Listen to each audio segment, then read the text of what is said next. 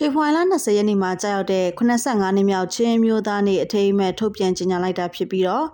မြို့တော်လိုင်းကိုနောက်ဆုံးတိုက်ပွဲအဖြစ်မှတ်ယူပြီး CNA CNF အနေနဲ့ဘုံနိုင်ငံရေးညီမချက်နဲ့ယုံကြည်ချက်တူညီတဲ့မဟာမိတ်တိုင်းရင်းသားတော်လိုင်းအဖွဲ့တွေ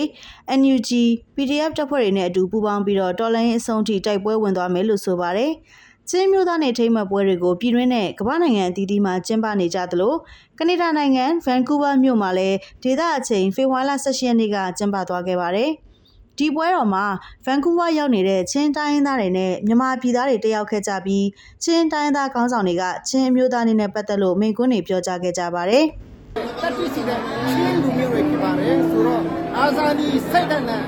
ခုရသူမျိုးဟာစစ်အစိုးရကိုအမိပြုတ်တည်ရတဲ့ ရွေးမစော့ပဲနဲ့တိုက်ပွဲဝင်ကြပါငါတို့နာငါချင်းမရောက်နေတဲ့ကျွန်တော်ချင်းပြည်သူအားလုံးကနောက်တိုင်းကနဲ့ခမရတို့အတွက်မမရရရက်နေနေပါတယ်ခမရတို့နဲ့အတူတကွတိုက်ပွဲဝင်နေပါတယ်လို့အတူပြချင်ပါတယ်ချင်းမျိုးသားနေပွဲမှာချင်းတိုင်းရင်းသားလူငယ်မျိုးဆက်တစ်တွေက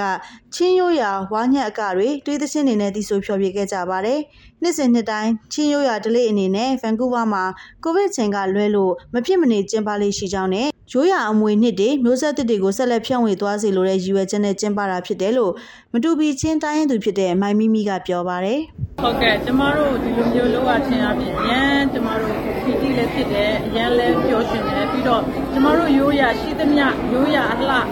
ရှိသမျှရိုးရာရဲ့ဟာပေါ့ဖုံးလဲစင်တာကိုကျမတို့ပြခွင့်ရတဲ့အတွက်ပေါ့နော်ကျမတို့စိတ်ထဲမှာအရန်ကြည်နူးတယ်ပြီးတော့နိုင်ငံတကာမှာလည်းဒီလိုမျိုးလောက်ရခြင်းဖြင့်ကျမတို့ အကုန်လုံးကိုပေါ်ပြရခြင်းဖြစ်တယ်လို့အခုကျမတို့ဒီပေါ့တော်လန်ရေးကာလမှာပေါ့နော်ကျမတို့ဖြစ်ချင်ဆုံးကတော့ဒီအရေးတော်ပုံမြင်မြန်အောင်မြင်ပြီးတော့လူတိုင်းပေါ့ကျမတို့ခုဒီမှာဘန်ကူးမှာ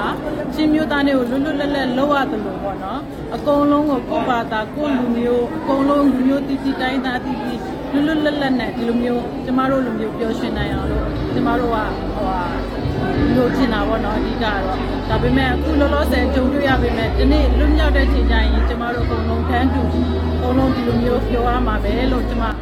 အားပေးချင်တယ်ချင်းမျိုးသားနေပွဲတွေကိုတော့မြန်မာပြည်ရင်းမှာသာမကဘဲနဲ့နိုင်ငံတကာရောက်နေတဲ့ချင်းလူမျိုးတွေကလည်းချင်းတိုင်းသားရိုးရာရောင်စုံဝတ်စုံအကာမျိုးစုံတွေနဲ့အလားတူကျင်းပလေးရှိတာပါ